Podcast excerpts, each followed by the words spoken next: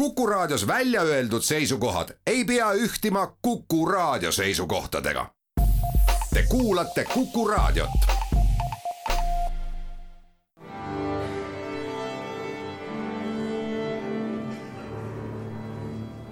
daamid ja härrad, Eesti Kontserdi saade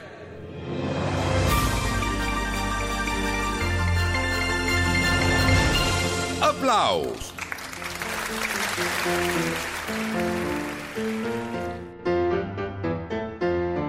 Lubasime nädal tagasi, et tänases saates räägime festivalist Klaver. festivalist, mis algab juba reedel ja nii ka saagu. tänaseks külaliseks on festivali Klaver kunstiline juht Sten Lasman. eetris on Eesti Kontserdi saade Applaus ja mina olen Lauri Aav. tere kõigile!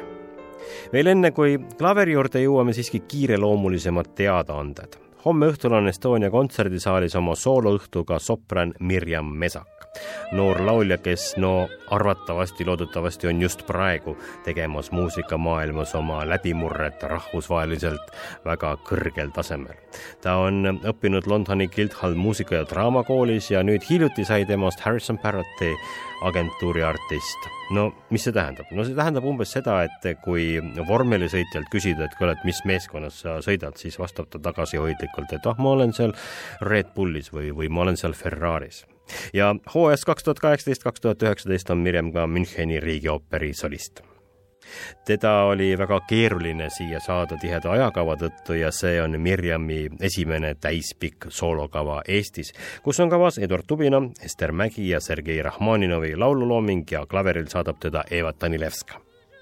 homme õhtul Estonia kontserdisaalis kell seitse õhtul Mirjam Mesak ning äh, praegu, nüüd ja kohe kell neli pärastlõunal on Estonia kontserdisaalis selle hooaja teine lõunamuusikasarja kontsert, kus on laval meie trompetidünastia väärikas esindaja Neeme Ots koos oma arvukate õpilastega, kõik noored virtuoosid, kes siis koos ja kordamööda teineteiselt mõõtu võtavad, teineteisest paremini ja kiiremini mängivad ja koos ka ansambleid moodustavad ja seda kõike saadab klaveril Piret Randal.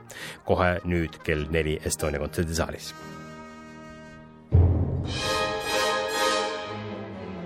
reedel algab festival Klaver kaks tuhat kakskümmend kaks järjekorras kolmeteistkümnes ja me rääkisime eile Estonia kontserdisaalis festivali kunstilise juhi pianist Sten Lasmaniga eelmine klaverifestival toimus sügisel kaks tuhat kakskümmend ja siis ei olnud ju kahtlustki, et mis võiks olla selle klaverifestivali teema, sest meil oli Beethoveni juubeliaasta.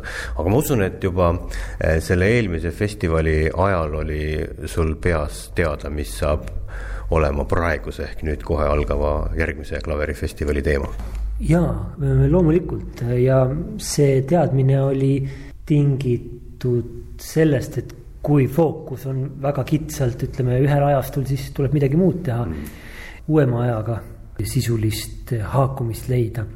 eelkõige ma olen sellele juba ammu mõelnud kui ühele printsiibile, et praegu on see aeg, mil me saame hakata alles kahekümnendat sajandit käsitlema kui terviklikku ajastut, sellepärast et nüüd on sellest möödas üks inimpõlv ja see ei ole enam lähiminevik, vaid see on ajalugu. ehk siis kahekümnenda sajandi alguspoole modernistlik muusika ja eriti selle alghoovused nagu ekspressionism ja, ja neoklassitsism, see on ju tegelikult midagi, mis sind on huvitanud juba palju pikemat aega. no siin on ju veel tihedamad, hetkel on mulle see isiklikult ka väga aktuaalne, sellepärast et ma olen kirjutamas raamatut Heino Elleri klaveriloomingust, mis täpselt hõlmab seda aega ja nende küsimustega ma olen tegelenud ähm, pikalt. kahekümnenda sajandi alguse muusikavoolud on ju paratamatu paljuski mõjutatud ümbritsevast maailmast. oli kaks maailmasõda, oli hull aeg.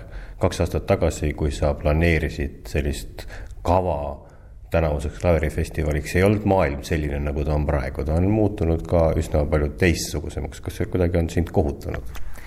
No kõik, mis ümberringi meil on toimunud sel aastal, see on kohutav ja võib-olla, et kõige kohutavam selle juures on see, et me harjume selle kohutavaga ära.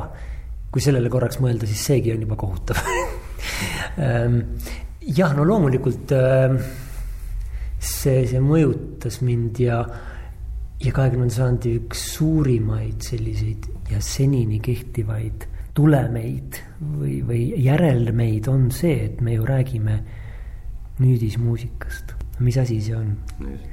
nüüdismuusika saaks olla ju noh, maksimaalselt kakskümmend aastat tagasi kirjutatud. aga nüüdismuusikast me tegelikult räägime alates Schönbergist sada aastat tagasi. kui palju saab üks äh, tühipaljas muusikafestival, ma teen nüüd sõrmedega neid jutumärke, kui palju saab üks tühipaljas muusikafestival ja seal esitatav muusika kõnetada ka muusikavälises mõttes hetke, kus me praegu elame? kas sul kui kunstilisel juhil on võimalik ka läbi oma, läbi festivali ja oma festivalikava midagi üldhumaanset öelda?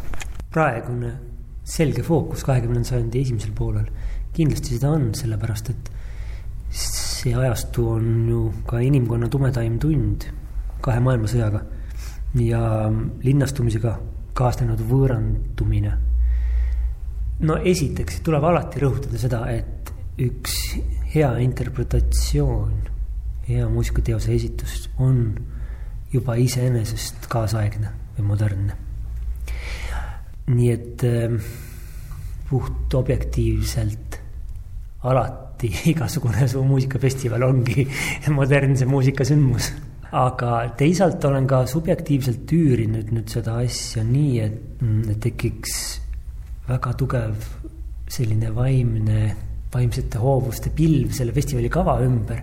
kõikide kontsertide eel tuleb Estonia kontserdisaalis kell kuus eelvestlus erinevate kunstiliikide ja teaduse esindajatega. sa oled ise selle ellukutsuja, sellel klaverifestivalil räägitakse seekord rohkem kui ei kunagi varem. ise see külaliste list on väga uhke, David Vsevio, Brigitte Davidjens, Mihhail Lotman, Harri Liivrand, Kaupo Kikas, Mart Kalm, Hardo Pajula, Jüri Allik, uhkem kui plektrum.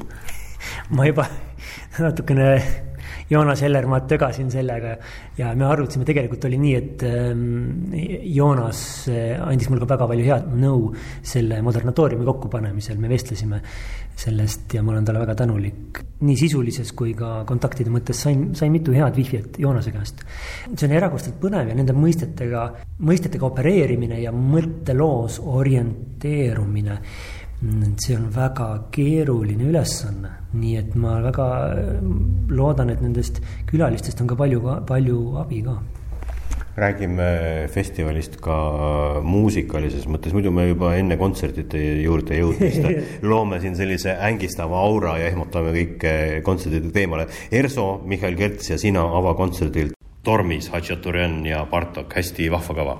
tõepoolest ja nendes need on ju tõelised hitid. Ehm, Hatšaturiani kontsert küll kahetsusväärselt ei ole Eestis kõlanud juba kolmkümmend üheksa aastat. ära ütle, et äh, sinu jaoks pole Jonathan Powelli Eestisse meelitamine suur töövõit. Ehm, no kõige suurem töövõit on Gerhard Opits kellega läks väga napilt, sellepärast et ta suundub kohe Eestist Aasiasse turneele, nii et siin see kuupäevade ehm, mäng oli väga peen. Ehm, Jonathan Powelli Scriabini sonaatide tsükkel on, on väga hästi ajastatud. praegu Scriabini eh, sünniaastapäeva puhul on tal kavas Scriabini sonaadid, mis loomulikult sobib vaata et pareminigi kui praeguse festivali kavasse. festival ei ole veel alanud. Eh, ma küsin lõpetuseks küll sobimatu küsimuse, et järgmise festivali kava on sul juba peas olemas? ja tegelikult mul on neli varianti. ilma naljata, tähendab, mul on neli suunda küll nägemust, et sisuline fokusseeritus on igasuguse pidunädala puhul tähtis. samas ega see lihtne ei ole. sellepärast, et suurtele artistidele eh, üldiselt on väga raske öelda, mida, mida nad mängima peaksid. aga seekord on erakordselt õnnestunud näiteks maestro Gerhard Opits tuleb ja mängib meile Schönbergi ja Bartoki teoseid mm. ilma, et teda oleks pidanud ekstra paluma jah, kunstilise juhi töö tegelikult ei ole selles mõttes selline lihtne, et mm, nagu ma ütlesin, ega väga palju otsustada ka ei saa suurte artistide repertuaaris, aga siiski on helgeid hetki, näiteks festivali lõppkontsert Neli temperamenti. see on nüüd ainukene kontsert, mille kava ma tõesti olen, tunnen, et ma olen selle kava autor. seal on neli erinevat eriilmelist teost kammerorkestrile ja kaks neist kammerorkestrile ja klaverile. Rätsa kontsert kammerorkestrile, Barberi Adagio, Benjamin Brittoni ähm, imeline hitt-teos Noor Apollo ja Paul Hindemiti Neli temperamenti kui ma nüüd kelkisin, et ma olen ise selle autor, siis ma muidugi pean ütlema, et Hindemiti neli temperamenti oli ähm, maestro Kaspar Männi idee ja tema ma ka palusin seda kontserti juhatama klaver kaks tuhat kakskümmend kaks alates reedest ja reedel kohe Sten Lasman ise klaverisolistina Eesti Riikliku Sümfooniaorkestri ees, kus on dirigendiks Mihhail Kerts ja kavas, nagu just rääkisime, Tormise avamäng number kaks, Hatšeturiani klaverikontsert ja Bartoki orkestrikontsert. Tõeliselt särav ja äge kava. Laupäeval on Estonia kontserdisaalis, lisan siia lihtsalt juurde, et klaverifestivali kõik kontserdid toimuvad Estonia kontserdisaalis ja algavad reeglina kell seitse õhtul. Laupäeval Estonia kontserdisaalis Jonathan Powell kavaga Aleksander Skriabin sada viiskümmend ja pühapäeval klaverifestivalil Gerhard Opitz Saksamaalt kavaga Suurmeister. ja see ta tõepoolest on kavas on Beethoveni, Bartoki, Schönbergi ja Schumanni klaveriteosed. Ning esmaspäeval suur sünnipäevakontsert ja gala Bachi HTK saab kolmesaja aastaseks. klassikalise muusika üks tähtsamaid teoseid tuhande seitsmesaja kahekümne teisel aastal valminud hästi tempereeritud klaver on kogu Euroopa kirjaliku muusikakultuuri fundamentaalne koodeks ning vaimne kreedo ja kakskümmend neli Eesti pianisti esitavad selle järjest ilma pausideta järgmisel nädalal veel Maksim Tšura ja Hindemiti Ludustonnaalis teisipäeval, Albaania, Prantsusmaa tõusev tähtpianist Maria Anžengutši kolmapäeval ja Lukas Gienjušos koos Tallinna Kammerorkestriga klaverifestivali lõppkontserdil järgmisel neljapäeval, kahekümne seitsmendal oktoobril. Suur klaveripidu, tõsine ja nõudliku sisuga, nagu ikka, kahekümne esimesest kahekümne seitsmenda oktoobrini meie kohtume siin uuesti kahe nädala pärast. seni on teil aga kümneid ja kümneid põhjuseid mõnel heal klassikakontserdil maanduda. kõike paremat.